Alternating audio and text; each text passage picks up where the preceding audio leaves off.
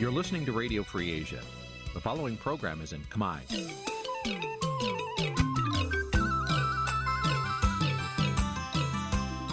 Nǐ chi càm bi tiệp xáy vệt chiu a zì sáy. នេះជាកម្មវិធីផ្សាយរបស់ Vithu Azisari ជាភាសាខ្មែរ វត្តឈូអាស៊ីសេរីសូមស្វាគមន៍លោកអ្នកនាងទាំងអស់ពីរដ្ឋធានី Washington នៃសហរដ្ឋអាមេរិកចាប់ពីរដ្ឋធានី Washington នាងខ្ញុំម៉ៅសុធានីសូមជម្រាបសួរលោកអ្នកស្ដាប់ទាំងអស់ជាទីមេត្រី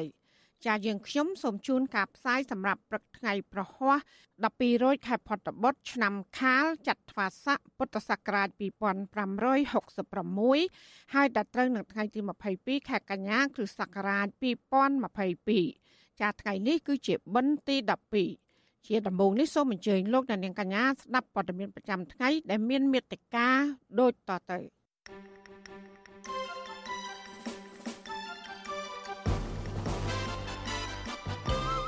គមស៊ីវិលថាពលករខ្មែរនៅប្រទេសថៃ កំពុងប្រឈមការកេងប្រវ័ញ្ចកម្លាំងពលកម្ម ឧតកោនាការវលខ្លះធ្លាក់ពន្ធឈឺក្រោយពីធ្វើកតកម្មជាង9ខែសហជីពខាងការតម្លើងប្រាក់ឈ្នួល200ដុល្លារសម្រាប់ឆ្នាំ2023มันអាចទប់ទល់នឹងទំនិញឡើងថ្លៃបានឡើយ។តឡាការចាប់ផ្ដើមដេញដោលសួរលើអង្គហេតុថ្មីនៃសំណុំរឿងចោតប្រកាន់លោកកឹមសុខាចារួមនឹងព័ត៌មានផ្សេងផ្សេងមួយចំនួនទៀត ចាជាបន្តទៅទៀតនេះនាងខ្ញុំម៉ៅសុធានីសូមជូនព័ត៌មានទាំងនោះពឺស្រាលោកដានីងជាទីមេត្រីសង្គមស៊ីវិលថាពលករខ្មែរនៅតែប្រឈមបញ្ហា ដែលត្រូវកែថៃកេងប្រវ័ញ្ចកម្លាំងពលកម្មនិងត្រូវអាជ្ញាធរថៃចាប់ខ្លួនដាក់ពន្ធនាគារដោយអយុត្តិធម៌ចាមន្ត្រីសង្គមស៊ីវិលនិងពលករខ្មែរមើលឃើញថា ទុកលំបាករបស់ពលករនេះគឺកើតមានឡើងដោយសារតែខ្វះការជួយអន្តរាគមន៍ពីរដ្ឋាភិបាលលោកហ៊ុនសែននិងមន្ត្រីស្ថានទូតខ្មែរប្រចាំនៅប្រទេសថៃ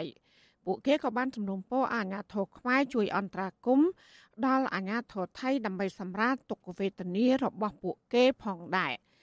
មន្ត្រីសង្គមស៊ីវិលលើកឡើងថាប្រវត្តិចំណាក់ស្រុក ទៅធ្វើការនៅប្រទេសថៃមួយចំនួនតែងរងការរើសអើងធ្វើបាប គ្រោះថ្នាក់ចរាចរណ៍ការចាត់ប្រកាន់ការកេងប្រវ័ញ្ចកម្លាំងពលកម្មពីតៃកែ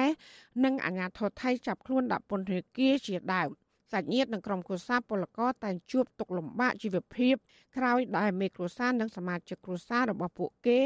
ត្រូវបានអាជ្ញាធរថៃឃុំខ្លួននិងចាប់ខ្លួនដោយគ្មានការគាំពៀពីអាជ្ញាធរខ្មែរឲ្យបានទាន់ពេលវេលានោះឡើយ។ មន្ត្រីគម្រោងនៃអង្គការសង្ត្រាល់ប្រចាំប្រទេសថៃលោកលឹងសុផុនលើកឡើងថាលោកតែងតែចុះសាកសួរនៅពេលពលករជួបបញ្ហាផ្សេងផ្សេងនៅប្រទេសថៃនៅពេលដែលលោកទទួលបានព័ត៌មានពីពលករលោកបន្តថាពលករខ្មែរប្រឈមបញ្ហាច្រើនរួមមានការកេងប្រវ័ញ្ចកម្លាំងពលកម្មពីសំណាក់ថការថៃឲ្យធ្វើការលើម៉ោងមិនបើកប្រាក់ឈ្នួលនិងការចោទប្រកាន់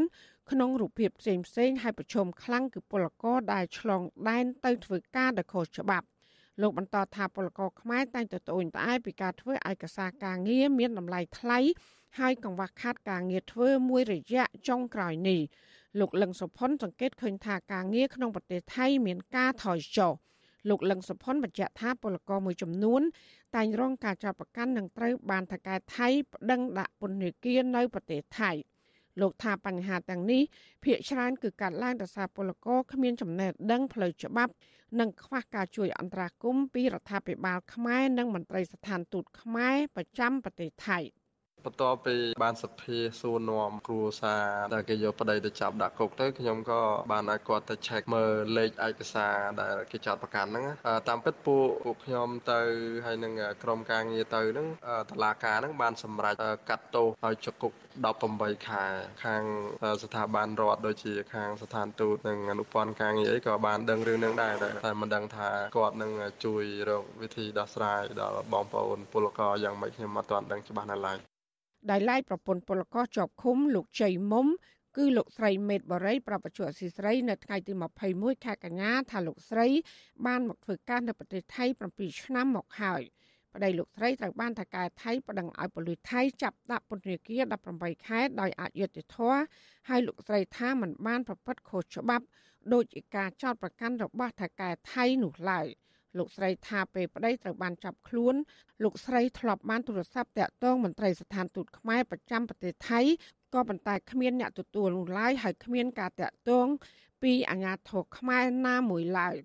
លោកស្រីថាក្រោយពីប្តីជាប់ឃុំ គ្រួសារជួបការលំបាកច្រើនព្រោះលោកស្រីត្រូវរ៉ាប់រងគ្រួសារចិញ្ចឹមកូនពីរនាក់ឲ្យរៀនសូត្រនៅប្រទេសថៃលោកស្រីស្នើសុំឲ្យស្ថានទូតខ្មែរជួយអន្តរាគមន៍ទៅអាជ្ញាធរថៃ ឲ្យដោះលែងប្តីដើម្បីបានជួបជុំគ្រួសារសម្រាប់ទុកលំបាក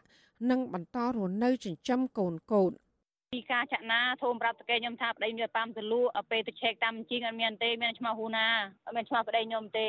អ្នកដឹងជ្រាបរបស់ស្រុកថៃកូនខ្មែរលក់ប៉ាមិនបានទេលក់ដងព្រេងយើងហ្នឹងថៃគេហៅប៉ាថាប្តីខ្ញុំចូលថាប្តីខ្ញុំទៅប៉ាំទលូប្តីខ្ញុំថាមិនទៅលក់ទេកូនខ្មែរលក់មិនបានទេថៃចាចូលប្រកាន់ដែលដាក់គុកមួយមួយឆ្នាំ6ខែ8 10ខែដាក់គុកប្តីខ្ញុំ ជុំវិញរឿងនេះប្រធានសមាគមពង្រឹងសេដ្ឋកិច្ចក្រៅប្រព័ន្ធកម្ពុជាលោកដិនពុទ្ធីយល់ឃើញថាបញ្ហាកង្វះការងារនៅប្រទេសកម្ពុជា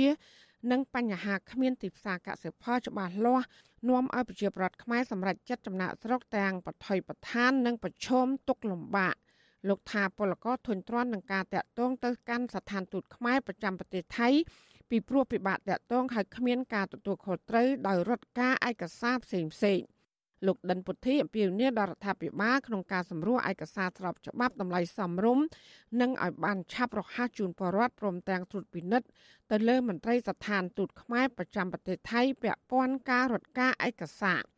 ទៅដល់កន្លែងណាក៏មានឈ្មោះកណ្ដាលនិងគប់ជេធ្វើបាបពលករហើយអាគ្នាធ្វើការហើយចំណាយអស់លុយយ៉ាងច្រើនសន្តិកលំថប់ទៅលើលើឯកសារហ្នឹងហើយយឺតយ៉ាវទៀតដល់ពេលយូរធុញមិនចង់ធ្វើឯកសារពិបាកស្មុគស្មាញគប់សពបែបយ៉ាងយ៉ាងសុខចិត្តខុសច្បាប់ទៅដល់ពេលខុសច្បាប់ពលករហ្នឹងគឺរងគ្រោះបន្តបន្តហ្នឹងគេគេបញ្យូននេះទៅនោះចឹងតាមតែអំពើចិត្តឬក៏យើងទៅធ្វើការងារចុះទូកចុះអីចឹងគ្រោះថ្នាក់គេសម្រាប់ចោលអីចឹងទៅវាបញ្ហាច្រើនណាពលករកម្មករមានបញ្ហាទៅរកកុងស៊ុលនឹងស្ដីឲ្យយើងទៀតណាឲ្យយើងរកផោះតាងឲ្យយើងរងគ្រោះគេគៀបសង្កត់យកលុយគេគេងប្រវាញ់គេធ្វើឲ្យរកតាងទៀតហើយទៅរកផោះតាងឯណាបើនៅកន្លែងគេក៏ឲ្យយើងថតដែរគេតតយើងពីពីជើងអាចទៅថតគេបានវត្ថុស៊ីស្រីមិនអាចតតងសុំការអធិប្បាយជំវិញបញ្ហានេះពីស្ថានទូតខ្មែរនិងមន្ត្រីស្ថានទូតខ្មែរប្រចាំប្រទេសថៃលោកផៃឡូនបាននៅឡើយទេនៅថ្ងៃទី21ខែកញ្ញាដោយសារទូរស័ព្ទហៅចូល តែពុំមានអ្នកទទួល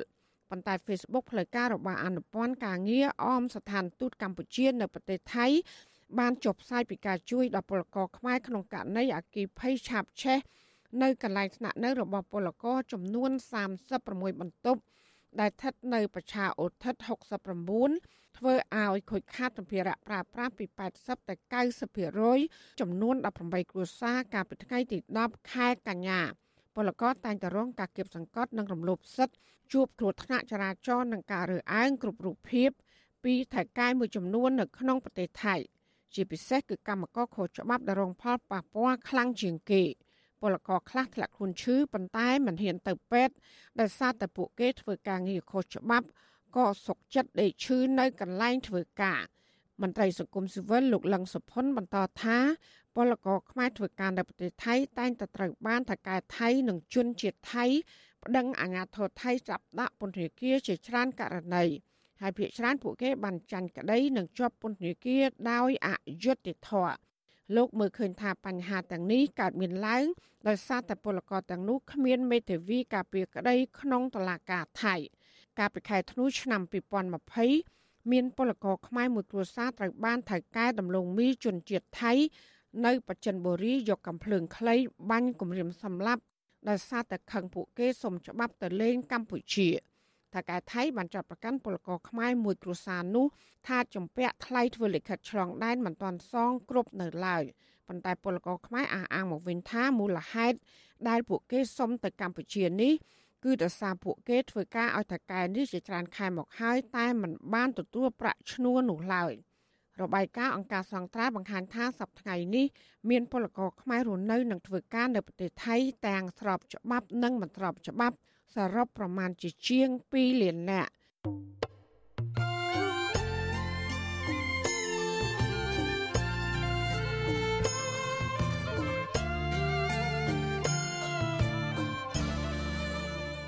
ចាលោកនាយកទីមេត្រីគតកោ Nagavel បានបន្តធ្វើកតកម្មនៅមុខក្រុមហ៊ុន Casino Nagavel កាលពីថ្ងៃទី21ខែកញ្ញាម្សិលមិញដូចជាសប្ដងដែរទោះជាមានភ្លៀងធ្លាក់ខ្លាំងយ៉ាងណាក៏ដោយ។ ពួកគាត់លើកឡើងថាការប្រមូលផ្ដុំគ្នាធ្វើកោតកម្មក្រោមដំណក់ទឹកភ្លៀងនេះគឺពុំមានការរារាំងពីសមត្ថកិច្ចដោយពីពេលមុននោះឡើយក៏ប៉ុន្តែស្ថិតនៅក្រោមការឃ្លាំមើលពីសមត្ថកិច្ចយ៉ាងតឹងរឹងក្រុមគុតកោ Nagaver ជាង100នាក់អ្នកខ្លះក៏បានធ្លាក់ខ្លួនឈឺដោយសារតែការឈរតវ៉ាហាភ្លៀងហាថ្ងៃជាង9ខែមកហើយក៏ប៉ុន្តែនៅមិនទាន់មានដំណោះស្រាយនៅឡើយ ក្រុមគុតកោឲ្យវត្ថុអសីស្រីដឹងកាលពីថ្ងៃទី21ខែកញ្ញាថាក្នុងចំណោមគុតកោជាង100នាក់នោះគឺមានអ្នកខ្លះធ្លាក់ខ្លួនឈឺហើយពុំមានថ្នាំព្យាបាលឬក៏ទៅសម្រាប់ព្យាបាលនៅមន្ទីរពេទ្យនោះឡើយអ្នកខ្លះក៏បានរត់ទៅសំងំសម្រាកនៅក្នុងផ្ទះជួលដោយគ្មានចំណីអាហារបរិភោគគ្រប់គ្រាន់ចំណែកឯអ្នកខ្លះទៀតក៏ធ្លាក់ខ្លួនឈឺហើយប្រឈមនឹងបញ្ហាគ្មានលុយបង់ថ្លៃបន្ទប់ជួលនិងគ្មានលុយសងបំណុលធនាគារជាដើម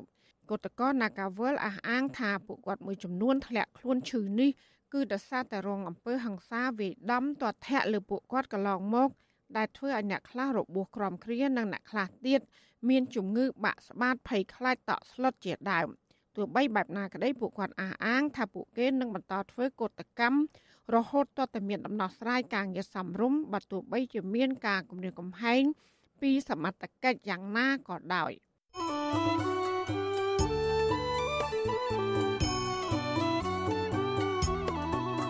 ចាលោកនាងជាទីមេត្រីក្រោយទៅពីការស្ដាប់ការផ្សាយរបស់វិទ្យុអសីស្រីតាមបណ្ដាញសង្គម Facebook និង YouTube លោកនាងកញ្ញាក៏អាចស្ដាប់ការផ្សាយរបស់យើង តាមរយៈរលក ធាតុអាកាសខ្លីឬ Short Wave ដូចតទៅ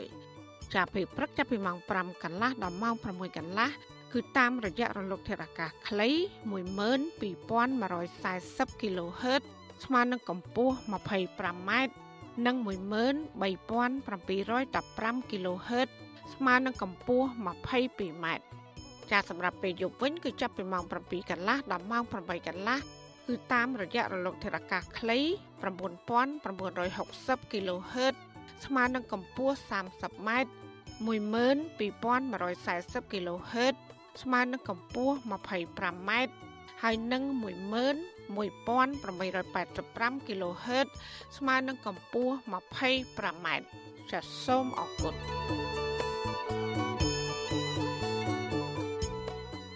ចាលោកនានីជាទីមេត្រីពាក់ព័ន្ធនឹងប្រាក់ខែគោលរបស់កម្មករសម្រាប់ឆ្នាំ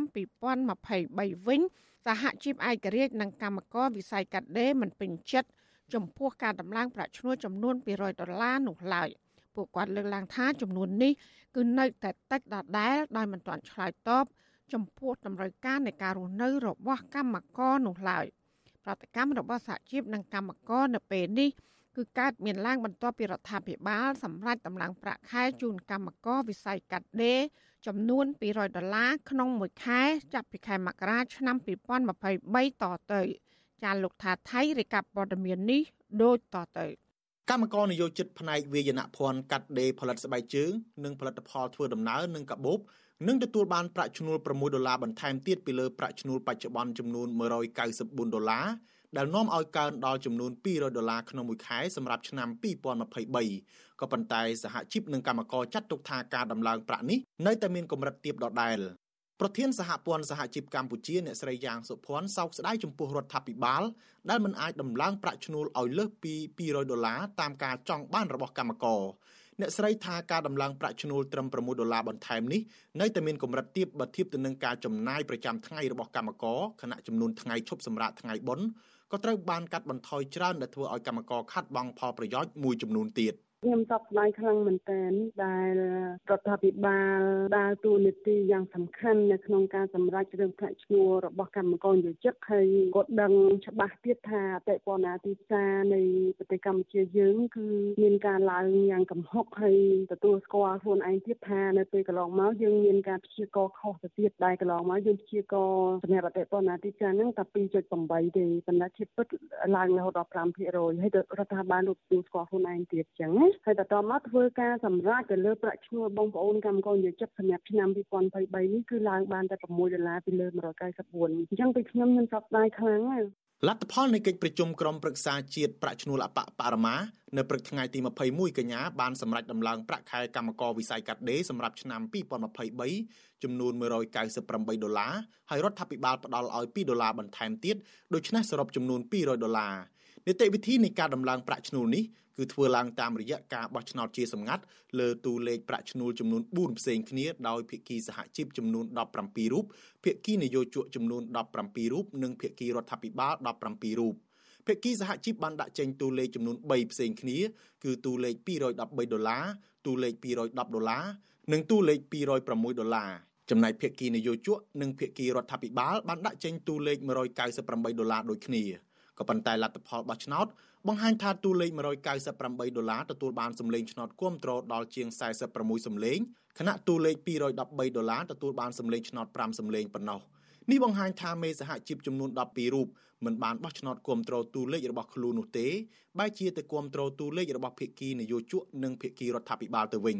ប្រធានសម្ព័ន្ធសហជីពចលនាកម្មករកម្ពុជាលោកប៉ៅស៊ីណាថ្លែងថានេះមិនមែនជារឿងចម្លែកនោះទេ ព្រោះតាំងពីដើមរហូតមកនៅក្នុងចំណោមភាគីសហជីពទាំង17រូបនោះភាគច្រើនមាននិន្នាការទៅរករដ្ឋាភិបាលឬនយោជកហើយមានតិចតួចប៉ុណ្ណោះដែលធ្វើការងារដោយឯករាជ្យនិងការពារផលប្រយោជន៍ជូនកម្មករ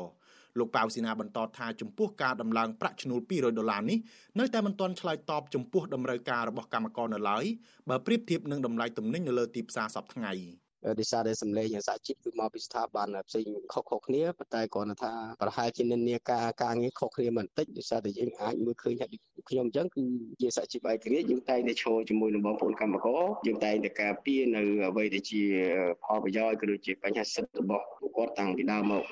តំណាងសហជីពឯករាជ្យដែលតែងតែចេញមុខការពារផលប្រយោជន៍ជូនកម្មករក្នុងពេលប្រជុំចរចាប្រាក់ឈ្នួលជាមួយភាគីនយោជកនិងតំណាងរដ្ឋាភិបាលជារៀងរាល់ឆ្នាំនោះមានដូចជាលោកប៉ៅស៊ីណាលោកអាត់ធុនអ្នកស្រីយ៉ាងសុភ័ណ្ឌនិងតំណាងសហជីពសេរីកម្មករអ្នកស្រីសំស្រីមុំទាក់ទងនឹងរឿងនេះរដ្ឋមន្ត្រីក្រសួងការងារនិងបណ្ដុំបណ្ដាលវិជ្ជាជីវៈលោកអ៊ិតសំហេងថ្លែងប្រាប់អ្នកកាសែតក្រោយកិច្ចប្រជុំថាការសម្រេចដំឡើងប្រាក់ឈ្នួល198ដុល្លារបូកនឹងការផ្ដល់ប្រាក់2ដុល្លារបន្ថែមរបស់លោកនាយករដ្ឋមន្ត្រីហ៊ុនសែន នឹងធ្វើឲ្យជីវភាពរស់នៅរបស់កម្មករនិយោជិត និងក្រុមគ្រួសាររបស់ពួកគាត់កាន់តែមានភាពល្អប្រសើរជាងមុនដូច្នេះសម្រាប់ឆ្នាំ2023បងប្អូនកម្មករយោជិតក្នុងវិស័យកាត់ដេរសម្លៀកបំពាក់ស្បែកជើងនិងកាបូបគឺមានប្រាក់ឈ្នួលអបបរមា200ដុល្លារអាមេរិកហើយបូកបន្ថែមទៅនឹងអត្ថប្រយោជន៍ផ្សេងផ្សេងដែលមានស្រាប់ដូចជាប្រាក់សហយធ្វើដំណើរស្នាក់នៅ ប្រាក់រង្វាន់ទៀងការងារទៀងទាត់ ប្រាក់ដែលរង្វាន់អតីតភាពគឺបងប្អូនយើងមានពី221ឡើងទៅបាទឡើងទៅដល់232ដុល្លារអាមេរិកមួយខែទោះជាយ៉ាងណាកម្មកររោងចក្រកាត់ដេរអះអាងថាការដំឡើងប្រាក់ឈ្នួលត្រឹម200ដុល្លារក្នុងមួយខែនេះមិនអាចដោះស្រាយជីវភាពពួកគាត់បានសមរម្យនៅឡើយកម្មការនីរោងចក្រនៅភ្នំពេញមួយរូបលោកស្រីយ៉នយឺត រៀបរាប់ថាលោកស្រីមិនទាន់ពេញចិត្តចំពោះការដំឡើងប្រាក់ឈ្នួល6ដុល្លារបន្ថែមនេះឡើយព្រោះនៅតែមានចំនួនតិចដដែលហើយមិនអាចទប់ទល់ជាមួយនឹងទំនិញនិងបន្ទប់ជួលឡើងថ្លៃនោះទេលោកស្រីត្អូញត្អែថាដោយសារប្រាក់ឈ្នួលបន្តិចបន្តួចនេះធ្វើឲ្យកម្មករកម្មការនីត្រូវបង្ខំចិត្តចាយវាយត្បិតត្បៀតបំផុតទិញម្ហូបអាហារសប្ថ្ងៃដូចជាអត់បានឆ្ងាញ់ទេហូបឲ្យតែបានបានរស់រស់ទៅព្រោះអីខ្ញុំត្រូវកាត់បន្ថយការចាយវាយកាលពីមុនខ្ញុំធ្លាប់ហូប 3ពេលប៉ុន្តែឥឡូវខ្ញុំកាត់បន្ថយពេលព្រឹកចោលពេលព្រឹកខ្ញុំចូលមកធ្វើការខ្ញុំមិនហូបអីទេកាលពីមុនខ្ញុំហូបបាយពេលព្រឹកបាយប្រអប់បាយអីចឹងយើងទិញបាយ1000ឬ500អីបានប៉ុន្តែឥឡូវទិញអត់បានទេចាប់ពី3000ឡើង5000អញ្ចឹងខ្ញុំត្រូវកាត់បន្ថយអាហារពេលព្រឹកចោលខ្ញុំហូបតែអាហារថ្ងៃត្រង់ឯងហើយម៉ោងពេលល្ងាចទេពេលល្ងាចទៅពេលយើងចេញទៅមូលគ្នាយើងធ្វើមកហូប ហូបទាំងអស់គ្នាហើយមកហូបនឹងទៀតមិនមែនធ្វើតែល្ងាចហូបល្ងាចទេពេលថ្ងៃត្រង់ទៀតយើងត្រូវស្លហើយដាក់កម្ដៅយកមកហូបថ្ងៃត្រង់ទៀតអញ្ចឹងបានន័យថាខ្ញុំកាត់បន្ថយច្រើនហើយការប្រើប្រាស់ទឹកភ្លើងទៀតខ្ញុំក៏កាត់បន្ថយភ្លើងទៀតអ្វីដែលខ្ញុំកាត់បន្ថយគឺកាត់បន្ថយទាំងអស់បើអញ្ចឹងទេមិនសល់លុយទៅផ្គត់ផ្គង់គ្រួសារម្ដាយចាស់ជរាឬមានកូនរៀនមានអីទេបើទោះបីជាកម្មករនិងសហជីពមិនពេញចិត្តចំពោះប្រាក់ឈ្នួលនេះ ក៏ពួកគាត់មិនហ៊ានប្រើប្រាស់សិទ្ធិតវ៉ាទាមទារប្រាក់ឈ្នួលដូចមុនឡើយដោយសាររដ្ឋាភិបាលលោកហ៊ុនសែនបំបិទសិទ្ធិសេរីភាពជាមូលដ្ឋានរបស់ពួកគាត់និងខ្លាចរអាបន្ទាប់ពីមានការប៉ះទង្គិចគ្នាយ៉ាងខ្លាំងក្លារវាងកម្មករនិងសមត្ថកិច្ចនៅលើផ្លូវវែងស្រេងកាលពីដើមឆ្នាំ2014កន្លងទៅដែលបានបណ្ដាលឲ្យបាតុករចំនួន4នាក់ស្លាប់និងបាត់ខ្លួនម្នាក់និង23នាក់ត្រូវបានចាប់ខ្លួនក្រុមកម្មករនៅតែយល់ថាប្រសិនបើរដ្ឋាភិបាលអាចជួយដំឡើងប្រាក់ឈ្នួលឆ្នាំ2023ដល់213ដុល្លារ ទោះនៅតែមិនច្រើនក៏អាចជួយសម្រួលបន្ទុកពួកគាត់បន្ថែមទៀតខ្លះដែរលោកណានៀងជាទីមេត្រីពាក់ព័ន្ធនឹងសវនាការជំនុំជម្រះក្តីលើប្រធានគណៈបកសង្គ្រោះជាតិសាលាដំបងរាជធានីភ្នំពេញកាលពីថ្ងៃពុធម្សិលមិញបានចោទសួរលោកកឹមសុខាតាក់ទងនឹងអង្គហេតុថ្មី3ផ្សេងទៀតក្នុងនោះរួមមាន ការធ្វើបដិវត្តពណ៌នៅចិនតៃវ៉ាន់យុទ្ធនាការថ្ងៃច័ន្ទពណ៌ខ្មៅហើយនឹងការកាន់ផ្កាឈូកលោកកឹមសុខានិងមេធាវីការពីក្តីអះអាង ថាអង្គហេតុថ្មីទាំងនេះគឺមិនជាប់ពាក់ព័ន្ធនឹងលោកកឹមសុខានោះឡើយចាប់ពីរដ្ឋធានី Washington លោកទីនហ្សាការីយ៉ារីកាព័ត៌មាននេះលោកកឹមសុខានិងមេធាវីការពីក្តីរិះគន់តុលាការករណីដែលតុលាការព្យាយាមយកអង្គហេតុមិនជាប់ពាក់ព័ន្ធនឹងបទចោទមកសួរដេញដោលនោះគឺជាការអស់បន្លាយសំណុំរឿងនេះឲ្យកាន់តែវែងរកទីបញ្ចប់គ្មានចំណែកអ្នកខ្លលមើលជំរិញឲ្យដោះស្រាយសំណុំរឿងនេះតាមច្រកនយោបាយ ល្អជាងការយកប្រព័ន្ធច្បាប់មកអនុវត្តជាប់ពាក់ព័ន្ធនឹងរឿងនយោបាយមេធាវីការពីក្តីលោកកម្មសខាម្នាក់គឺលោកច័ន្ទចេនឲ្យដឹងក្រោយចប់សវនាការថាបដិវត្តនៅចិនតៃវ៉ាន់យុទ្ធនាការថ្ងៃច័ន្ទពណ៌ខ្មៅនិងការកាន់ផ្កាឈូកមិនជាប់ពាក់ព័ន្ធជាមួយលោកកម្មសខាឡើយ។លោកមេធាវីបន្តថាតឡាការយកអង្គហេតុទាំងនេះមកចោទសួរបែបនេះមិនបានធ្វើឲ្យលោកកម្មសខារងការចោទប្រកាន់ទេ ប៉ុន្តែក្រនតេជការអស់បន្លាយសំណុំរឿងនេះឲ្យកាន់តែវែងឆ្ងាយថែមទៀតលោកអះអាងទៀតថាជីវិតនយោបាយរបស់លោកកម្មសខា តាំងពីលោកចាប់ដើមធ្វើនយោបាយរហូតមកដល់ថ្ងៃសមត្ថកិច្ចចាប់ខ្លួនកូនក្តីរបស់លោកមិនដាល់ញុះញង់ឲ្យបរដ្ឋក្រោកឈរកាន់អាវុធប្រឆាំងនឹងរដ្ឋាភិបាលម្ដងណាឡើយ។គាត់ត្រឹមត្រូវគាត់ស្អាតស្អំគាត់ធ្វើអីគ្រប់ទៅតាមគោលការណ៍គោលការណ៍ច្បាប់ដែលមានចែងក្នុងរដ្ឋធម្មនុញ្ញហើយបើហើយយើងឃើញថាការបោះឆ្នោតគិតឈានមកដល់នៅសល់តែប្រហែល ខែទៀតទេអញ្ចឹងយើងយើងក៏រងចាំមើលហើយយើងចង់បានយ៉ាងទទូចដើម្បីឲ្យអាដាមកឹមខាឲ្យមានដំណោះស្រាយរួចរាល់ដើម្បីឲ្យគាត់គាត់ត្រឡប់ចូលក្នុងឆាកនយោបាយឡើងវិញបាទតឡការចាប់ផ្ដើមយកអង្ហេតថ្មីមកចោទសួរលោកកម្មសខានៅពេលនេះក្រោយពេលតឡាការបិទបញ្ចប់សួរដាញ់ដោលពាក់ព័ន្ធនឹងអំពើហិង្សាក្នុងបាតកម្មនៅផ្លូវវែងជ្រៃនៅស្ពានអាកាសស្ទឹងមន្ជ័យនិងនៅស្ពាននៀកកាលពីសវនកម្មលើកទី56សប្តាហ៍មុន ដែលតឡាកាបានចំណាយពេលជាច្រើនសប្តាហ៍សួរដាញ់ដោលលើករណីអំពើទាំងនេះមន្ត្រីជាន់ខ្ពស់សមាគមការពារសិទ្ធិមនុស្សអាត់ហុកលោកយីសុកសាន សង្កេតឃើញថាទោះជាដំណើរការរឿងក្តីនេះឈានដល់សាកសួរអង្គហេតុថ្មីក្តីប៉ុន្តែតឡាការនៅតែគ្មានភ័ស្តុតាងគ្រប់គ្រាន់ចោទប្រកាន់លោកកម្មសខាដដែលលោកសង្កេតឃើញថារាល់ពេលលោកកម្មសខាបំភ្លឺទៅតឡាការគឺតឡាការធ្វើដូចជាមិនចាប់អារម្មណ៍និងមិនជឿលើការអះអាងរបស់លោកកម្មសខានោះទេ កាត់តដូចជាវីដេអូដូចជាប្រមូលពីទាំងនេះពីទាំងនោះយកមកធ្វើជាការកាត់ក្តីមួយសម្រាប់រឿងមួយដោយអយុត្តិធម៌ទៅលើមនុស្សដែលអត់បានដឹងវាជាការឈឺចាប់ដល់ពលរដ្ឋដែលធ្វើឲ្យប្រទេសជាតិអន្តរជាតិគេមានការថោទោសមកលើកម្ពុជាយើងគេថាតឡាការយើងសប្តាហ៍មិនឯករាជ្យហើយមិនចូលទៅលើការយុត្តិធម៌សម្រាប់ប្រជាពលរដ្ឋដោយសពដងដែរសវនកម្មនេះមានការឃ្លាំមើលពីតំណាងស្ថានទូតបរទេសនិងតំណាងអង្គការសហប្រជាជាតិប្រចាំនៅកម្ពុជា តំណាងអង្គការសង្គមស៊ីវិលក្នុងស្រុកនិងអ្នកសារព័ត៌មានផងដែរចំណែកឯនៅខាងក្រៅរបងតឡាការវិញអ្នកគ្រប់គ្រងលោកកម្មសខាប្រមាណជា40នាក់បានផ្ដោតកម្លាំងចិត្តដល់លោកកម្មសខាដោយឡែកសមត្ថកិច្ចបានរត់បន្តឹងសន្តិសុខតឹងតែងជំវិញបរិវេណតុលាការអ្នកគាំទ្រលោកកម្មសខាលោកស្រីពេជ្រវឿនលើកឡើងថាលោកស្រីបានឃើញលោកកម្មសខាបានឡើងតុលាការយូរឆ្នាំមកហើយប៉ុន្តែតុលាការរកមិនទាន់ឃើញថា លោកកម្មសខាបានសម្លាប់អ្នកណា ឬបំផ្លាញប្រទេសជាតិដោយការចោទប្រកាន់នោះទេលោកស្រីព្រួយបារម្ភថាបើតុលាការនៅតែបន្តកាត់ក្តីរបៀបនេះតទៅទៀតប្រហែលជាលោកស្រីបាត់បង់ឱកាសក្នុងការបោះឆ្នោតជូនលោកកម្មសខាសម្រាប់ការបោះឆ្នោតជាតិឆ្នាំ2023ខាងមុខ ចាប់គាត់នេះគឺអាយុទ្ធធនណាព្រោះគាត់អត់មានកំហុសអីទេគាត់មនុស្សយុទ្ធធនគាត់ដឹកនាំប្រជាពលរដ្ឋឲ្យប្រជាពលរដ្ឋដើរតាមផ្លូវល្អមិនមែនឲ្យប្រជាពលរដ្ឋនឹងទៅលួចទៅប្លន់ប្រើគ្រឿងញៀនទេខ្ញុំស្រឡាញ់គាត់ឃើញគាត់ដឹកនាំល្អបើមិនល្អខ្ញុំមិនអាចបោះឈានមកទេទោះបីគ្មានរៀលក៏ខ្ញុំមកដែរព្រោះខ្ញុំស្រឡាញ់គាត់ដែលយុទ្ធធនទោះជាមានការរិះគន់ថាសំណុំរឿងលោកកម្មសខាជារឿងនយោបាយបែបណាក្តី ប៉ុន្តែអ្នកនាំពាក្យគណៈបកប្រជាជនកម្ពុជាលោកសុកអេសាន នៅតែថ្លែងដដែលដដែលថាគ្មានអ្នកណាអាចបញ្ជាតុលាការបានទេ ហើយតុលាការកាត់ក្តីបែបណា ជាឆន្ទានុសិទ្ធិរបស់ស្ថាប័នមួយនេះដោយឡែកនៃវិភាគនយោបាយលោកកំសុកយល់ឃើញថាតឡការព្យាយាមអស់បន្លាយពេលវេលាសំណុំរឿងរហូតដល់ក្រោយបោះឆ្នោតឆ្នាំ2023ខាងមុខលោកបន្តថាតឡការនឹងយកសំណុំរឿងមិនចប់ពាក់ព័ន្ធនឹងលោកកម្មសខាផ្សេងទៀតដូចជាដំណោះដីធ្លី ឬការទៀមទាយុទ្ធធម៌សង្គមនានា មកចោតសួរលោកកម្មសខាបន្ថែមទៀតនៅសប្តាហ៍បន្តបន្ទាប់គឺទាញប្រមូលភ្ជាប់ទៅនឹងរឿងកម្មសុខាទាំងអស់បើទោះបីជាកម្មសុខាមិនពាក់ព័ន្ធក៏ដោយដើម្បីអូសបន្លាយពេលវេលាឲ្យសមនឹងបំណងរបស់លោកហ៊ុនសែនហើយតាមគំនិតរបស់ខ្ញុំលោកកម្មសុខានិងក្រុមរបស់គាត់ជាពិសេសអ្នកគ្រប់គ្រងគាត់គួរធ្វើអ្វីមួយយ៉ាងឲ្យលើសអំពីការរងចាំសវនកម្មរបស់តុលាការនៃលោកនាយករដ្ឋមន្ត្រីហ៊ុនសែននឹងទោះជាយ៉ាងណាលោកកឹមសុខយល់ថាប្រសិនបើក្រុមលោកកម្មសខាហ៊ានចេញមុខទាមទាររយុទ្ធធរជូនលោកកម្មសខា ហើយសហគមន៍អន្តរជាតិក៏មានការដាក់សម្ពាធបន្ថែមលើរដ្ឋាភិបាលលហ៊ុនសែនលោកកម្មសខាអាចមានឱកាសចូលរួមប្រកបប្រជែងការបោះឆ្នោតឆ្នាំ2023ខាងមុខលោកកម្មសខាបានបាត់បង់សិទ្ធិធ្វើនយោបាយនិងបាត់បង់អ្វីអ្វីស្ទើរគ្រប់យ៉ាងជាង5ឆ្នាំមកនេះ ព្រោះរដ្ឋាភិបាលលហ៊ុនសែនចោទប្រកាន់មេបកប្រឆាំងរូបនេះថាបានគប់កិតជាមួយរដ្ឋាភិបាលដើម្បីផ្ដួលរំលំរដ្ឋាភិបាលកាលពីឆ្នាំ2017តុលាការនឹងបន្តសវនាការសំណុំរឿងលោកកម្មសខា នៅថ្ងៃទី28កញ្ញាសប្តាហ៍ក្រោយបន្តទៀតខ្ញុំទីនសាការីយ៉ាអស៊ីសេរីប្រធានីវ៉ាស៊ីនតោនចាលោកដានៀងកញ្ញាកំពុងស្ដាប់ការផ្សាយរបស់វិទ្យុអស៊ីសេរីផ្សាយចេញពីរដ្ឋធានី Washington សហមេធាវីជាតិការពីក្តីឲ្យអតីតប្រមុខរដ្ឋនៃរបបកម្ពុជាប្រជាធិបតេយ្យឬរបបខ្មែរក្រហមចាត់ទុកសេចក្តីសម្រេចផ្តន្ទាទោសលោកខៀវសំផនអស់មួយជីវិត របស់សាលាដំបងនិងតុលាការកំពូល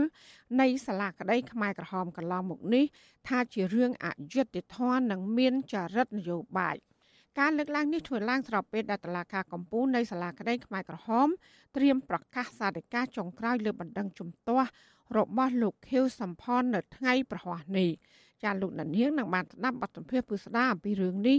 នៅក្នុងការផ្សាយរបស់យើងនាពេលបន្តិចទៀតនេះចាសូមអរគុណ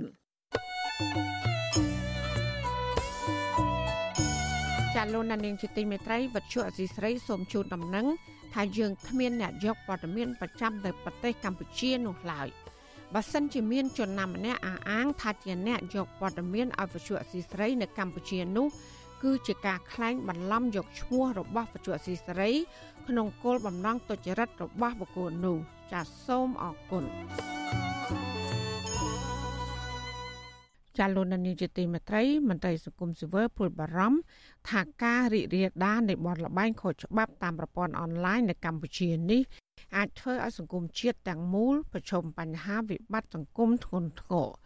ក្តីបារម្ភនេះធ្វើឡើងក្រោយដែលសមត្ថកិច្ចក្រុងភ្នំពេញបានបង្ក្រាបជនជាតិចិនចំនួន5នាក់ពាក់ព័ន្ធនឹងការលួចបើកបនលបែងតាមអនឡាញខុសច្បាប់ចាអ្នកស្រីសុជីវីរាយការណ៍ព័ត៌មាននេះ នាយកទទួលបន្ទុកកិច្ចការទូតនៃអង្គការលីកាដូលោកអំសំអាតប្រាប់វិទ្យុអាស៊ីសេរីនៅថ្ងៃទី21ខែកញ្ញាថាការរីកដុះដាលបនលបែងខុសច្បាប់ជាពិសេសការភ្នាល់លបែងស៊ីសងគ្រប់ប្រភេទនៅលើប្រព័ន្ធអនឡាញនោះគឺជាដើមចមសំខាន់ដែលធ្វើឲ្យសង្គមកម្ពុជាកាន់តែអនាធបត័យលោកបន្តថាការដែលវិស័យបនលបែងនៅកម្ពុជារីកដុះដាលដោយផ្សិតបែបនេះហើយដែលបង្កឲ្យមានបញ្ហាអសន្តិសុខសង្គមជាពិសេស រយៈពេលចុងក្រោយនេះបង្កឲ្យមានករណីជួញដូរមនុស្សបញ្ហាគ្រឿងញៀននិងករណីសម្លាប់មនុស្សដោយសារតែការជំពាក់បំណុលជាដើម។ជាពិសេសគឺកាស៊ីណូធំធំដែលខុសច្បាប់ឬក៏បនលបែងធំធំដែលខុសច្បាប់ការដែលលបែងតាមអនឡាញជាដើមនឹងនឹងគឺវាតាក់ទងគ្នារវាងការជួញដូរមនុស្សជាមួយនឹងលបែងស៊ីសងគ្រប់ទម្រង់នឹងហើយបើសិនជាយើងមិនបានទប់ស្កាត់ឲ្យទាន់ពេលវេលាទេវា គ្រោះថ្នាក់សម្រាប់កម្ពុជា ជាពិសេសវាប៉ះពាល់ដល់សន្តិសុខសុវត្ថិភាពរបស់ប្រជាពលរដ្ឋប៉ះពាល់ទៅដល់ការវិនិយោគប៉ះពាល់ទៅដល់ភ្ញៀវទេសចរបរទេសអីជាដើមប្រតិកម្មរបស់មន្ត្រីសង្គមស៊ីវិលនេះក្រោយពេលដែលសមត្ថកិច្ចចម្រុះក្រុងភ្នំពេញបង្ក្រាបជនជាតិចិនចំនួន5នាក់ពាក់ព័ន្ធការបើកលបែងអនឡាញនៅសន្តាគារហុងដា ស្ថិតនៅសង្កាត់ផ្សារថ្មី3ខណ្ឌដូនពេញរាជធានីភ្នំពេញកាលពីថ្ងៃទី20ខែកញ្ញា ជាមួយគ្នានេះសមត្ថកិច្ចក៏បានបន្តឆែកឆេររកឃើញគ្រឿងញៀនរបស់ក្រុមជនជាតិចិនទាំងនោះមួយចំនួនផងវិទ្យុអាស៊ីសេរីមិនអាចតេតោះแนะនាំពាក្យស្នងការនគរបាលរាជធានីភ្នំពេញលោកសានសុកសីហានិងអធិការនគរបាលខណ្ឌដូនពេញលោកចាបឌីណា ដើម្បីសាកសួរអំពីបញ្ហានេះបានទេ នៅថ្ងៃទី21ខែកញ្ញាបើទោះជាយ៉ាងណាការបើកបនលបែងភ្នាល់ស៊ីសងតាមប្រព័ន្ធអនឡាញនៅកម្ពុជានេះបានរីកលូតលាស់យ៉ាងឆាប់រហ័ស បើទោះបីជារដ្ឋាភិបាលលោកហ៊ុនសែនបានប្រកាសបិទបនលបែងប្រភេទនេះចាប់តាំងពីឆ្នាំ2019ក្តីក្រុមហ៊ុនបនលបែងអនឡាញទាំងនោះភាគច្រើនគេស្គាល់ថាជាក្រុមហ៊ុនចិន ដែលមានការភ្នាល់ជលមន់បៀនិងលបែងឆ្នោតឡូតូជាដើមលបែងប្រភេទនេះមាននៅស្ទើរទូទាំងប្រទេសជាពិសេសនៅតាមសហគមន៍តំបន់ភូមិដាច់ស្រយាលប្រជាពលរដ្ឋមួយចំនួនហាក់មិនសូវគិតខ្វល់ខ្វាយអំពីការប្រកបរបរទៀតឡើយ ដោយពួកគាត់តែងនាំគ្នាយកលុយទៅផ្សងសំណាងនិងលបែងភ្នាល់តាមប្រព័ន្ធអនឡាញទាំងនោះនៅតាមតំបន់ភូមិខ្លះក៏មានកុមារកម្រិតបឋមសិក្សាសំលុយឪពុកម្ដាយដើម្បីភ្នាល់លបែងតាមប្រព័ន្ធអនឡាញនេះដែរកន្លងមកគណៈកម្មការគ្រប់គ្រងលបែងពាណិជ្ជកម្មកម្ពុជាធ្លាប់លើកឡើងថាបនលបែងស៊ីសងតាមមូលដ្ឋានទាំងនោះសុទ្ធសឹងតែខុសច្បាប់ព្រោះគ្មានអាជ្ញាប័ណ្ណនិងបានជំរុញឲ្យអាជ្ញាធរមានសមត្ថកិច្ចតាមមូលដ្ឋាន ចុះអន្តរាគមន៍បិទទីតាំងបនលបែងខុសច្បាប់ទាំងនោះនារយៈពេលចុងក្រោយនេះអាជ្ញាធរមានសមត្ថកិច្ចទូទាំងប្រទេសចាប់ផ្ដើមបង្ក្រាបនិងទប់ស្កាត់បនលបែងខុសច្បាប់គ្រប់ប្រភេទក្រោយពីលោកនាយរដ្ឋមន្ត្រីហ៊ុនសែនប្រមានដកមុខតំណែងតួនាទីរបស់មន្ត្រីអាជ្ញាធរនៅតាមខេត្តនីមួយៗប្រសិនបើរដ្ឋាភិបាលមិនបង្ក្រាបឲ្យមានប្រសិទ្ធភាពទេនោះប្រភេទអាជីវកម្មខុសច្បាប់តាមអនឡាញទាំងនេះនឹងបង្កអាសន្តិសុខសង្គមការកើនឡើងភាពក្រីក្រ និងសិលធម៌សង្គមកាន់តែធ្លាក់ចុះ នាងខ្ញុំសូជីវី With you Azizi Saray ពីរដ្ឋធានី Washington អាស៊ីសេរី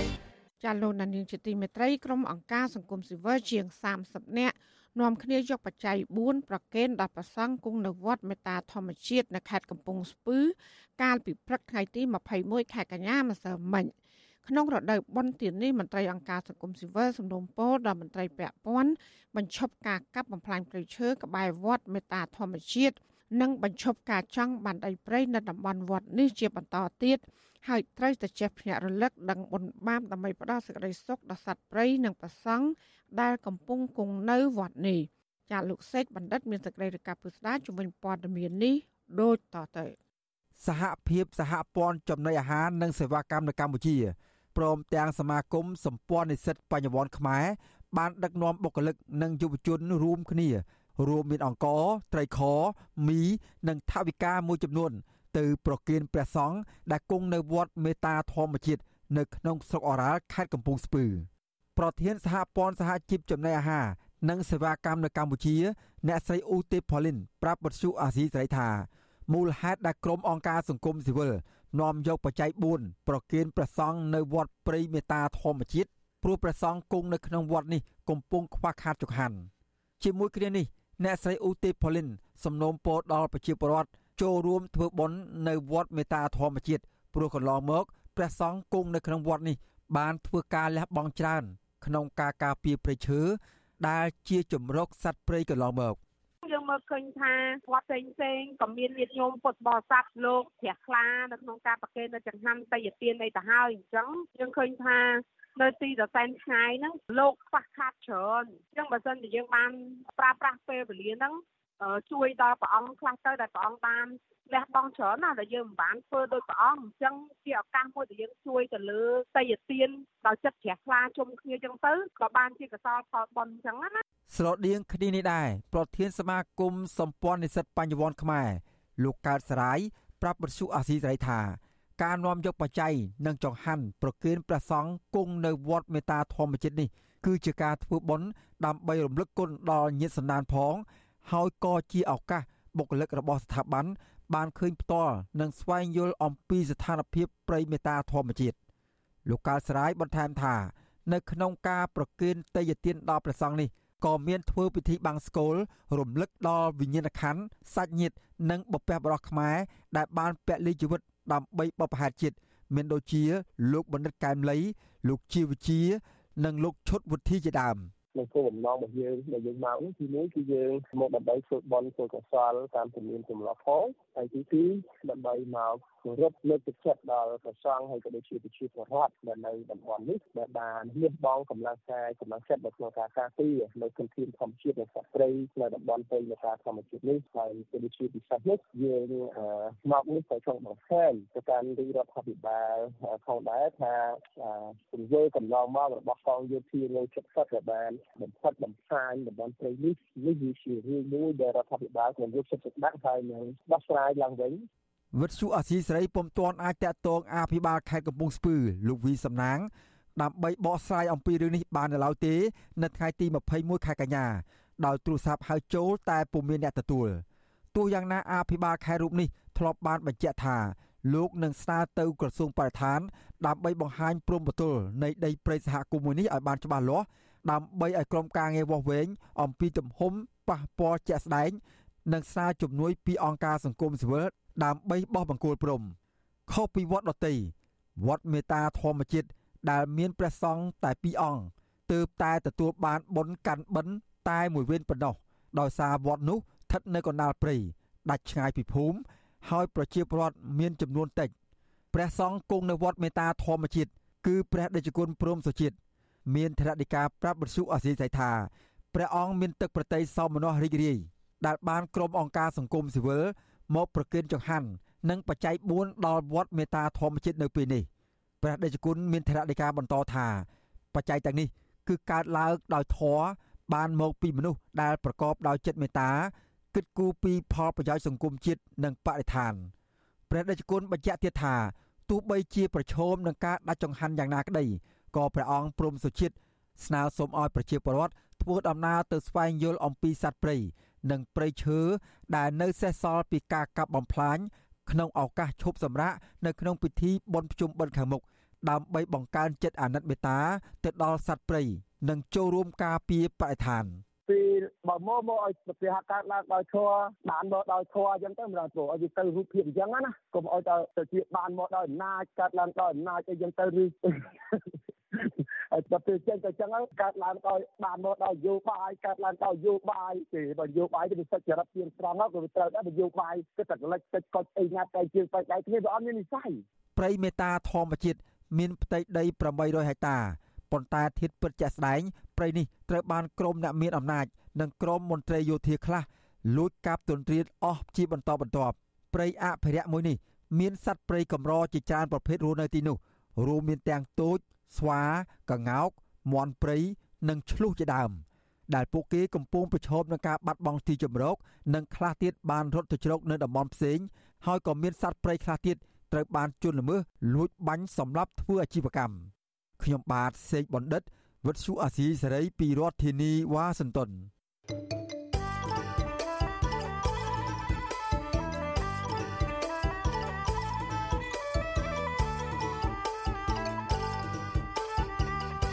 ចាលោកនាងជាទីមេត្រីទីភ្នាក់ងារសហរដ្ឋអាមេរិកសម្រាប់ការអភិវឌ្ឍអន្តរជាតិ USAID និងនាយកដ្ឋានការពារសុខភាពនៃក្រសួងសុខាភិបាល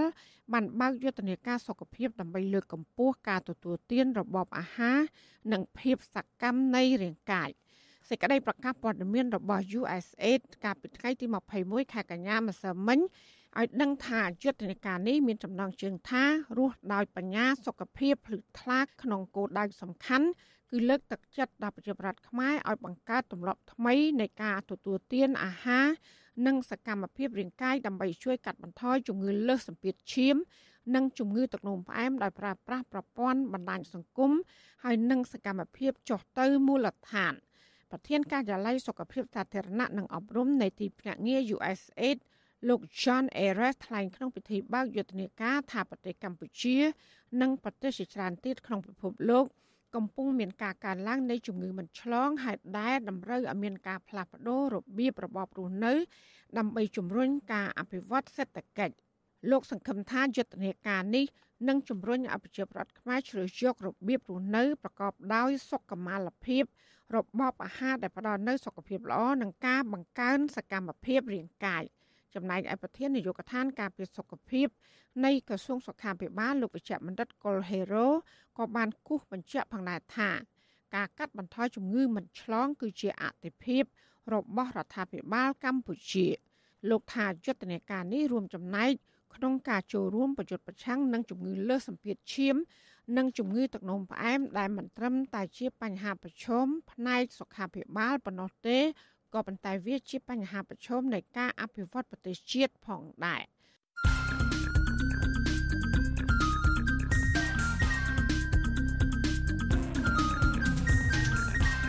បទសំភារ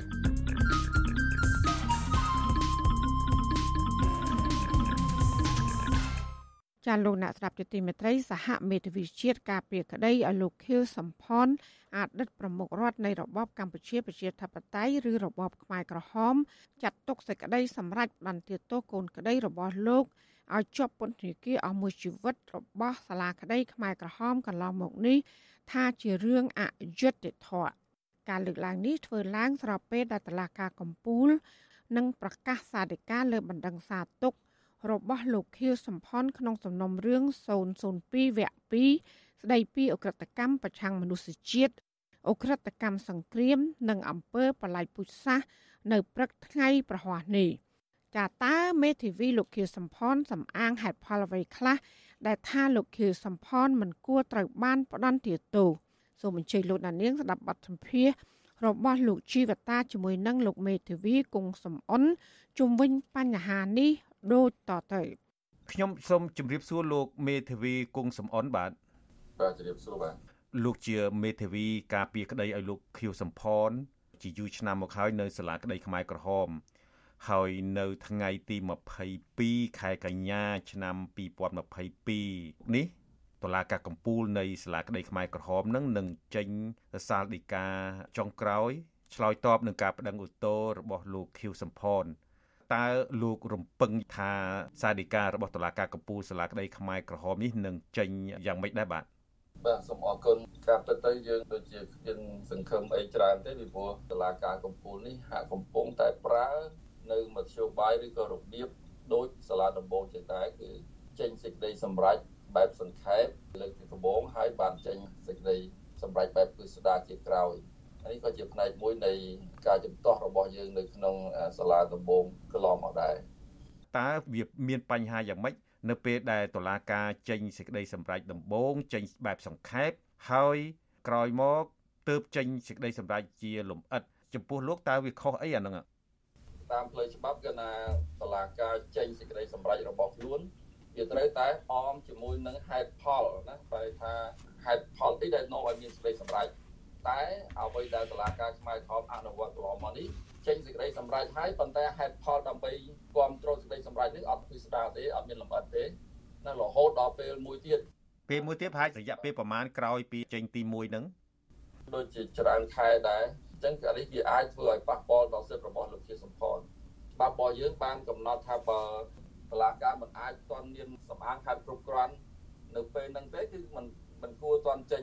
សេចក្តីសម្រេចឬក៏ សារិកាឬសារក្រមរបស់ខ្លួននៅពេលហ្នឹងទេរហូតដល់ខ្លួនអាចបង្ហាញគ្រប់គ្រាន់អំពីអង្គហេតុនិងអង្គច្បាប់សម្រាប់គ្រប់គ្រងសេចក្តីសម្រេចរបស់ខ្លួនអាហ្នឹងចាំចេញសេចក្តីសម្រាប់យើងចេញសារក្រមនឹងតែម្ដងទៅចេញសារិកានឹងទៅតើអ្វីដែលលោកចង់បានវិញវា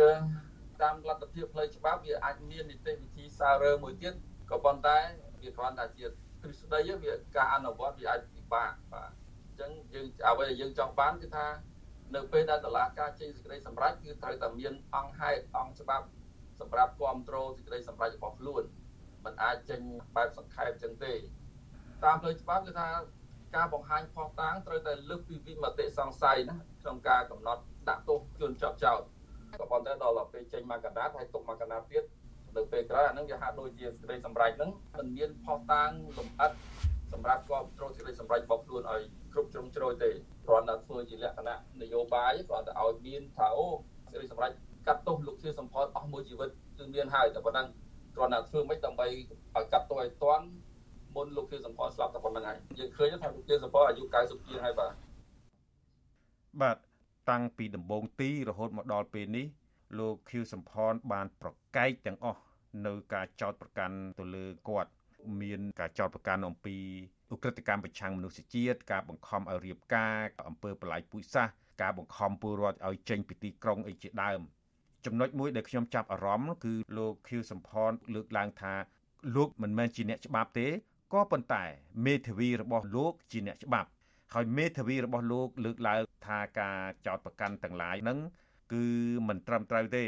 ហើយដូច្នេះលោកតវ៉ាផ្អែកទៅលើសេចក្តីសំអាងរបស់មេធាវីរបស់លោកថាអញ្ចឹង លោកមេធាវីសុខសំអនតើលោកអាចសង្ខេបបន្តិចបានទេថាមានចំណុចណាខ្លះទៀតក្រៅពីនីតិវិធីលើកឡើងបាញ់មិញដែលតឡាការចោតប្រកាន់ទៅលោកខៀវសំផននឹងមិនត្រឹមត្រូវបាទតាកតងទៅនឹងអង្គហេតុចោតប្រកាន់នេះយើងឃើញថាលោកខៀវសំផននៅឆ្ងាយពីការទទួលខុសត្រូវនៅក្នុងអង្គើទាំងឡាយដែលបានចោតនឹងពីព្រោះលោកខៀវសំផនយើងឃើញគាត់គ្មានអំណាចនៅក្នុងសេចក្តីសម្រេចទេ បែរថាគាត់មិនមែនជាបុគ្គលដែលចេញសេចក្តីសម្រេចទៅលើគោលនយោបាយណាមួយហើយក៏គាត់មិនបានចូលរួមក្នុងការធ្វើសេចក្តីសម្រេចនៅក្នុងគោលនយោបាយជាអ ுக ្រិតកម្មណាមួយដែរអញ្ចឹងការងារទទួលខុសត្រូវរបស់លោកខៀវសំផននឹងវាមិនមានលក្ខណៈបង្ហាញអំពីវិរុទ្ធភាពទេក៏ប៉ុន្តែអ្វីដែលយើងឃើញជាទូទៅគឺថាអង្គើត្រូវបានកាត់ឡើងហើយអ្វីដែលសំខាន់នោះគឺតឡាការត្រូវរកអ្នកទទួលខុសត្រូវ ហើយអ្វីដែលនៅសល់គឺមានតែលោកគៀសផម្នាក់ទេរហូតដល់ពេលនេះក្នុងចំណោមដែលគេមើលឃើញថាជាអ្នកដឹកនាំជាន់ខ្ពស់នោះក៏ប៉ុន្តែជាក់ស្ដែងលោកខៀសំផនគ្មានអង្គហេតុណាមួយដែលបង្ហាញពីការពាក់ព័ន្ធរបស់លោកខៀសំផនទៅក្នុងសកម្មភាពនៃអង្គើអក្រិតដោយបានចាត់ប្រកាសទេប៉ុន្តែលោកគិតថាក្នុងនាមលោកខៀវសំផនជា ប្រធានគណៈប្រធានរដ្ឋឬប្រមុខរដ្ឋនៃប្រជាជាតិមួយនៃប្រទេសមួយ ដែលក្រោមការគ្រប់គ្រងរបស់គាត់នឹងនៅក្នុងរបបនឹងមានអំពើសម្លាប់មនុស្សយ៉ាងរង្គាលមានការបង្អត់បាយមានឧក្រិដ្ឋកម្មផ្សេងផ្សេងជាច្រើនហ្នឹងលោកគិតថាលោកខៀវសុផនអត់ត្រូវទទួលខុសត្រូវអីទេយើងត្រូវយល់ថាក្នុងសម័យនោះវាជារបបផ្ដាច់ការហើយដឹកនាំមិនមែនដឹកនាំដោយប្រមុខរដ្ឋទេ គឺដឹកនាំដោយបកអញ្ចឹងអ្នកណាជាអ្នកនៅក្នុងខ្សែបកធំលោកខៀវសំផននៅឆ្ងាយណាស់ បើនិយាយក្នុងជួរបកពីឆ្នាំ70ដល់75ពេលទទួលបានជ័យជំនះហ្នឹងលោកខៀវសំផនក៏បានចូលរួមជាមួយនៅក្នុងក្រុមខ្មែរក្រហមប៉ុន្តែលោកគ្រាន់តែជាសមាជិកមជ្ឈិមម្នាក់ត្រៀមមិនទាន់បានពេញសិទ្ធិផងអញ្ចឹងក្នុងសមាជិកមជ្ឈិមនោះមានច្រើនអ្នកហើយមិនមែនជាសមាជិកអចិន្ត្រៃយ៍ទេហើយនយោបាយគោលនយោបាយដែលដឹកនាំដោយបកកុម្មុយនីសកម្ពុជាសម័យនោះគឺដឹកនាំដោយគណៈកម្មការអចិន្ត្រៃយ៍មិនមែនដឹកនាំដោយមជ្ឈិមទេហើយមជ្ឈិមហ្នឹង មានគ្នាច្រើនហើយសកម្មភាពដែលបានប្រជុំនោះគឺតិចបំផុតហើយមិនបានចេញសេចក្តីសម្រេចអីទេមែនទេសេចក្តីសម្រេចគោលនយោបាយចេញពីអចិន្ត្រៃយ៍ហើយយកទៅឲ្យផ្សព្វផ្សាយទៅមជ្ឈិមបកហ្នឹងគ្រាន់តែជាកន្លែងដូចជាថ្នាលពង្រៀនឲ្យយល់ពីបន្តនយោបាយអញ្ចឹងបាទហើយលោកខៀវសំផនសម័យហ្នឹងគឺគាត់មិនបានទាំងជាសមាជិកមជ្ឈិមផងរហូតដល់ចុងក្រោយបំផុតហើយបាទគាត់បានខ្លាចជាសមាជិកមជ្ឈិមហ្នឹងដោយសារអី ដោយសារគាត់ត្រូវជំនួសតំណែងជាប្រមុខរដ្ឋរបស់សម្ដេចនរោត្តមសីហនុពេលដែលទ្រង់លាលែងពីប្រមុខរដ្ឋរបស់កម្ពុជាប្រជាធិបតេយ្យតែទោះជាយ៉ាងណាក៏ដោយក្រោយពីលោកខៀវសុផនបានឡើងជំនួសសម្ដេចព្រះនរោត្តមសីហនុជាប្រមុខរដ្ឋនោះលោកខៀវសុផនគឺពេលនោះគឺមានតួនាទីហើយដូច្នេះរយៈពេលខ្លីឬវែងអី ក៏គាត់មានតួនាទីមួយ គឺជាប្រធានគណៈប្រធានរដ្ឋដែលគេប្រើនៅក្នុងសម័យនោះដែលស្មើនឹងប្រមុខរដ្ឋហើយអញ្ចឹងសាលាក្តីនេះក៏បានប្រើបទចោទមួយហៅថាសហឧក្រិដ្ឋកម្មរួមបើទោះជាគាត់មិនបានធ្វើអ្វីដោយផ្ទាល់ដៃ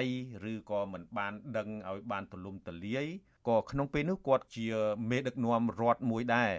ហើយអញ្ចឹងហើយបានជាសាលាក្តី បានប្រើប្រាស់បទចោទនឹងសហឧក្រិដ្ឋកម្មរួមនឹងនេះជាចំណុចគោលមួយ សំខាន់ដែលថ្នាក់ដឹកនាំប្រទេសមួយអត់មានផុសតាងអីដែលគាត់បាន ប្រឹងប្រែងដើម្បីទប់ស្កាត់កុំឲ្យបញ្ហា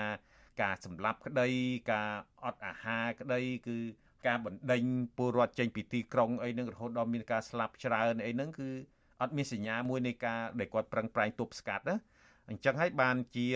សាលាក្តីនឹងបានប្រើប្រាស់បទចោទថាគាត់មានឈ្មោះនៅ ក្នុងការប្រព្រឹត្តសហឧក្រិដ្ឋកម្មរួមនេះតើលោកយល់ថាប៉ុណ្ណឹងស័កសមដែរទេបាទអឺអត់ទេពីព្រោះការប្រព្រឹត្តចូលរួមនៅក្នុងសហគ្រិតកម្មរួមវាតតែបង្ហាញពីការគ្រប់គ្រងនយោបាយដែលគាត់ដឹងថាអាហ្នឹងគឺនយោបាយអក្រិតប៉ុន្តែ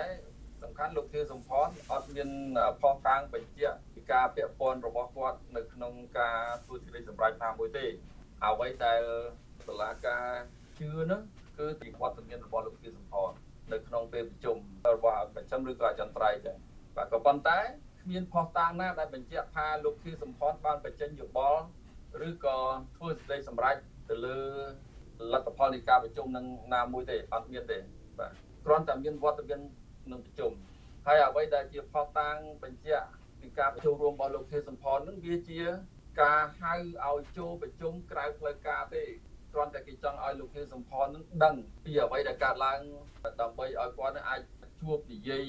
ជាមួយនឹងភ្ញៀវបរទេសអីជាដើមដើម្បីគាត់ដូចថាប្រាប់ដំណឹងគាត់ប៉ុន្តែគាត់អត់មានសិទ្ធិនៅក្នុងការធ្វើសេចក្តីសម្រេចប្រជុំផ្ដល់យោបល់ថាត្រូវធ្វើម៉េចឬមិនធ្វើម៉េចឬក៏បោះឆ្នោតអីនៅក្នុងនោះគឺអត់មានទេពីព្រោះអីពីព្រោះលោកខៀវសំផនមិនមែនជាសមាជិកអចិន្ត្រៃយ៍ រហូតមកដល់ចុងបញ្ចប់ហ្នឹងក៏គាត់មិនមែនជាសមាជិកអចិន្ត្រៃយ៍ដែរប៉ុន្តែលោកលោកមេធាវីសំអនដោយខ្ញុំបានលើកឡើងអំបញ្ញមិញហ្នឹងបើទោះបីជាគាត់មិនបានចូលរួមក្នុងសកម្មភាពអ ுக ្រិតកម្មណាមួយជាក់ស្ដែងអីក៏ដោយក៏ប៉ុន្តែអ ுக ្រិតកម្មនឹងកើតឡើងច្រើនណាស់ហើយគេរកផុសតាងមិនឃើញថាលោកខៀវសំផន មានសកម្មភាពអីមួយដើម្បីជំទាស់ជាលីលាអសរជាផុសតាងឬក៏មានអ្នកណាជាសាក្សីលើកឡើង ទី2ជាក់ស្ដែងលោកខៀវសំផនអត់បានលាលែងទេខណៈបញ្ហាជាច្រើនអ ுக ្រិតកម្មកំពុងកើតច្រើនក្នុងសម័យនោះប៉ុន្តែគាត់អត់ឃើញបង្ហាញការទទួលខុសត្រូវរបស់គាត់ដូចជាការលាលែងចេញអីជាដើមនេះដែលអាចជួយគាត់ឲ្យរួចផុតពីការចោទប្រកាន់នេះតើលោកឆ្លើយយ៉ាងម៉េចទៅបាទរឿងរឿងរ៉ាវរបស់គាត់ផ្ទាល់គឺគាត់អត់ដឹងក្នុងសម័យហ្នឹងគឺថាការងារអ្នកណាអ្នកនោះដឹងគឺថាអ្នកណាធ្វើអ្នកនឹងទទួលខុសត្រូវណា អញ្ចឹងនៅក្នុងការគ្រប់គ្រងរបស់កម្ពុជាប្រជាធិបតេយ្យវាមិនមែនជាលក្ខណៈមួយទូទៅទេវាមានលក្ខណៈដោយឡែកអញ្ចឹងបើថាការងារគេគេដឹងអញ្ចឹងគាត់អត់ដឹងផងហើយគាត់ទៅធ្វើម៉េចបើមិនជាគាត់ដឹងខ្ញុំជឿថាគាត់អាចចេញនៅសេចក្តីថ្លែងការណ៍ណាមួយដើម្បីទប់ស្កាត់ឬក៏ដើម្បីប្រឆាំងទៅនឹងសកម្មភាពអស់ហ្នឹងហើយប៉ុន្តែបើគាត់ដឹងឲ្យគាត់ធ្វើមិន ក៏ប៉ុន្តែអ្វីដែលតឡាការមួយឃើញនេះគឺថាដោយសារតែទូនីតិរបស់គាត់នឹងវាធំតែជាប្រមុខរដ្ឋហើយគាត់ត្រូវទទួលខុសត្រូវក៏ប៉ុន្តែគេអត់បានគិតថាការដឹកនាំរបស់កម្ពុជាប្រជាធិបតេយ្យសម័យនោះគឺដឹកនាំដោយបកនៅក្នុងគោលការណ៍ច្បាប់លោកដឹងស្រាប់ហើយលោកជាមេធាវីបើសិនជាគាត់មិនបានចូលរួមក្តីប្រសិនបើគាត់មិនបានបញ្ជាក្តីប៉ុន្តែដោយសារស្ថានភាពនៅពេលនោះគេដឹងទូលំទូលាយទូទៅ ដូច្នេះបុគ្គលម្នាក់ដែលជាថ្នាក់ដឹកនាំគួរតែបានដឹងថាអំពើអីមួយមិនត្រឹមត្រូវកើតឡើងដូច្នេះគោលការណ៍ច្បាប់ថាគួរតែបានដឹងតើលោកឆ្លើយយ៉ាងម៉េចដែរចំពោះលោកខៀវសំផននោះបាទវាមិនចឹងទាំងស្រុងទេការពិតក្នុងរឿងព្រមត្តនគេនិយាយអំពីការទទួលខុសត្រូវជាលក្ខណៈបុគ្គលបានន័យថាបុគ្គលណាប្រព្រឹត្តបុគ្គលនឹងទទួលខុសត្រូវហើយរឿងព្រមត្តនអាហ្នឹងជាជារួមនៃជារួម ក្នុងករណីថាគាត់គួរតែដឹងគាត់គួរតែដឹងតាមការសន្និដ្ឋានណាបាទវាមិនវាអាចថាគាត់គាត់គួរតែដឹងក៏ប៉ុន្តែវាមិនមែនមានន័យថាគាត់អាចទ្រង់យានដឹងគ្រប់យ៉ាងទេដោយសារអីដោយសារតែការដឹងឬមិនដឹងវាតតែមានការផ្សព្វផ្សាយជាសាធារណៈនៅក្នុងកម្រិតណាមួយហើយគាត់នៅតែមិនដឹងទៀតហ្នឹងបានអាចចាត់ទុកឲ្យគាត់ត្រូវតែដឹងបានក៏ប៉ុន្តែសម័យនោះគឺប្រព័ន្ធព័ត៌មាន សាធារណៈវាអត់មានទេវាអត់មានផ្សាយពីរឿងកាប់សម្លាប់អីអញ្ចឹងអញ្ចឹងទេអញ្ចឹងវាអត់មានតម្រូវឲ្យគាត់ត្រូវទទួលខុសត្រូវថាគាត់ត្រូវតែដឹងបាទចំណុចដែលខ្ញុំលើកឡើងអំបញ្ញមិញនេះគឺវាតាក់ទងទៅនឹងគោលការណ៍ខ្សែរយៈនៃការបញ្ជាថ្នាក់ក្រោមដល់ថ្នាក់លើហ្នឹងបើទោះបីជាមិនមានសារព័ត៌មានផ្សព្វផ្សាយដោយសម័យបច្ចុប្បន្នក៏ដោយក៏មានការដឹកនាំតាមរយៈថ្នាក់ដឹកនាំពីថ្នាក់ក្រោមដល់ថ្នាក់លើដែរ តើលោកយល់យ៉ាងម៉េចដែរអញ្ចឹងបាទអាហ្នឹងខ្ញុំទទួលស្គាល់បើសិនជាលោកជាសម្ផនស្ថិតនៅក្នុងកម្រិតនៃឋានៈជាមេបញ្ជាការជាអ្នកបញ្ជាអ្នកចេញបញ្ជាក៏ប៉ុន្តែលោកជាសម្ផនអត់មានស្ថិតនៅក្នុងសង្វាក់នៃការបញ្ជានោះទេដោយសារអីក្នុងឋានៈជាប្រធានគណៈប្រធានរដ្ឋរបស់គាត់គឺគាត់មានអនុប្រធាននិងមានដោយជំនួយការម្នាក់អញ្ចឹងគឺគ្នាគាត់ថាជា3នាក់មានសមាជិកម្នាក់អនុប្រធានមួយហើយនឹងគាត់ហើយទី2យើងឃើញថា ក្នុងសម័យកម្ពុជាប្រជាធិបតេយ្យហ្នឹងគាត់អត់មានការិយាល័យអីច្បាស់លាស់អត់មានអីដូចយើងឥឡូវមានខុទ្ទកាល័យមានអីខុទ្ទកាល័យនាយករដ្ឋមន្ត្រីឬខុទ្ទកាល័យព្រះបរមរាជវាំងអីចឹងនៅសម័យនោះវាអត់មានអញ្ចឹងគាត់អត់មានទៅប្រើអ្នកណាទៅបញ្ជាអ្នកណាឲ្យធ្វើអីធ្វើអីកើតទេអត់មានអញ្ចឹងឲ្យគាត់ទទួលខុសត្រូវក្នុងកម្រិតជាលក្ខណៈបញ្ជាហ្នឹងក៏អត់បានដែរពីព្រោះវាអត់មានការិយាល័យពិតប្រាកដគាត់គ្រាន់តែគេតែងតាំងឲ្យមានឋានៈហ្នឹងប៉ុន្តែការងារគឺអត់មានទេ រឿងហ្នឹងគឺដឹងជាទូទៅទាំងនៅក្នុងស្រុកទាំងឆាកអន្តរជាតិថាលោកខៀវសំផនគឺជាគ្រាន់តែជាមេដឹកនាំតែសមោលអត់មានអំណាចពិតប្រាកដអាហ្នឹងអ្នកណាក៏គេដឹងដែរនៅក្នុងសាលាក្តីខ្មែរក្រហមពេលជំនុំជម្រះលោកខៀវសំផននឹងមានសាកសីមកគ្រប់គ្រងលោកខៀវសំផនទេថាលោកខៀវសំផននឹងជាមនុស្សមិនបានប្រព្រឹត្តដោយការចោទប្រកាន់នឹងអីទេ ពាក់ទងទៅនឹងសាកសីដែលឆ្លើយបញ្ជាក់ពីភាពមិនមានទោសរបស់លោកខៀវសំផនឬក៏យើងហៅថាសាកសីដោះបន្ទុកឃើញថាមានច្រើនអ្នកដែលមកឆ្លើយនៅចំពោះពុកអង្គជំនុំជម្រះហ្នឹងហើយយើងអាចបញ្ជាក់ថាគ្មានសាក្សីណាមួយដែលបានឆ្លើយបញ្ជាក់ថាលោកជាសំផនជាប់ពាក់ព័ន្ធទៅនឹងអង្គើខូខើណាមួយទេ ឃើញសាក្សីដែលជាពិសេសសាក្សីដែលបញ្ជាក់អំពីអត្តចរិតរបស់លោកជាសំផនជាមនុស្សស្លូតត្រង់ជាមនុស្សល្អជាមនុស្សស្រឡាញ់ប្រជាពលរដ្ឋនោះយើងឃើញថាមានសាក្សីជាច្រើនដែលមកឆ្លើយច្រើននឹងប្រហែលប្រហែលអ្នកលោកមេធាវីទុំប្រហែល20នាក់បាទហើយពួកគាត់មានប្រវត្តិយ៉ាងម៉េចដែរប្រវត្តិការងាររបស់ពួកគាត់មានប្រជាប្រដ្ឋសាមញ្ញរហូតដល់ជាមិត្តភ័ក្តិឬក៏ជាអ្នកស្រាវជ្រាវ ជាអ្នកសិក្សាជាបញ្ញវន្តអញ្ចឹងក៏មានដែរដែលមកឆ្លើយនៅពេលហ្នឹងយើងឃើញមានតាំងពីកងទ័ពក៏មានដែរដែលបញ្ជាក់ថាលោកខៀវសំផនមិនមែនជាបុគ្គលដែលស្ថិតនៅក្នុងជួរកងទ័ពទេនៅថ្ងៃទី22ខែកញ្ញាឆ្នាំ2022នេះតុលាការកំពូលនៃសាលាក្តីខ្មែរក្រហមនឹងចេញសេចក្តីសម្រេចចុងក្រោយឆ្លើយតបទៅនឹងបណ្ដឹងឧទ្ធររបស់លោកតំណាងឲ្យលោកខៀវសំផន តើលោកមេធាវីគង់សំអត់រំពឹងថាសេចក្តីសម្រេចនោះបែបណា ហើយលោកមានអ្វីជាចុងក្រោយនេះបាទសេចក្តីសម្រេចរបស់តុលាការកំពូលនេះប្រហែលជាមិនខុសគ្នាពីសាលាដំបងប្រហែលទេជាពិសេសតាក់ទងទៅនឹងទណ្ឌកម្មបាទក៏ប៉ុន្តែអាចមានអង្គហេតុតូចតូចមួយចំនួនដែលតឡាការកំពូលធ្វើការកែតម្រូវឧទាហរណ៍ករណីខ្លះវាអាច ផុសតាំងមិនគ្រប់គ្រាន់តឡាការកំពូលអាចទាត់ចោលនៅអង្គហេតុមួយចំនួនបាទបាទសូមអរគុណច្រើនលោកមេធាវីគង់សំអនបាទបាទបាទសូមអរគុណចាលោកដានៀងកញ្ញាទៅបានស្ដាប់បទសម្ភាសន៍របស់លោកជីវតា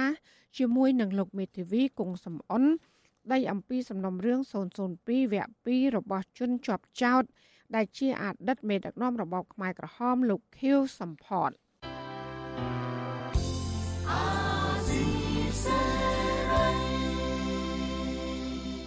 ចាលោកអ្នកស្ដាប់ទទីមេត្រី ការផ្សាយរយៈពេល1ម៉ោងរបស់វិទ្យុអសីស្រីជាភាសាខ្មែរនៅពេលនេះចាប់តែប៉ុណ្ណេះ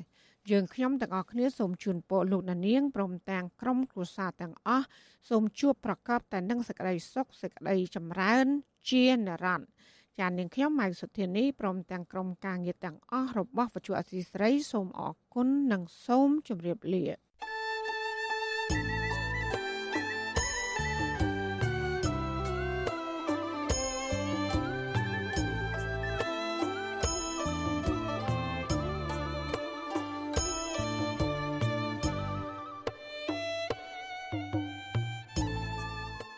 ទ្យុអាស៊ីសេរីផ្សាយតាមរលក ធាតុអាកាសខ្លីឬ short wave តាមកម្រិតនិងកម្ពស់ដូចតទៅនេះពេលព្រឹកចាប់ពីម៉ោង5កន្លះដល់ម៉ោង6កន្លះតាមរយៈរលកធាតុអាកាសខ្លី12140 kHz ស្មើនឹងកម្ពស់ 25m និង13715 kHz ស្មើនឹងកម្ពស់ 22m ពេលយប់ចាប់ពីម៉ោង7កន្លះដល់ម៉ោង8កន្លះតាមរយៈរលកធាតុអាកាសខ្លី 9960 kHz ស្មើនឹងកម្ពស់ 30m 12140 kHz ស្មើនឹងកម្ពស់ 25m និង11885 kHz ស្មើនឹងកម្ពស់ 25m លោកអ្នកនាងអាចស្ដាប់ការផ្សាយផ្ទាល់តាមប្រព័ន្ធអ៊ីនធឺណិតដោយចូលទៅកាន់គេហទំព័រ www.rfa.org/ ខ្មែរ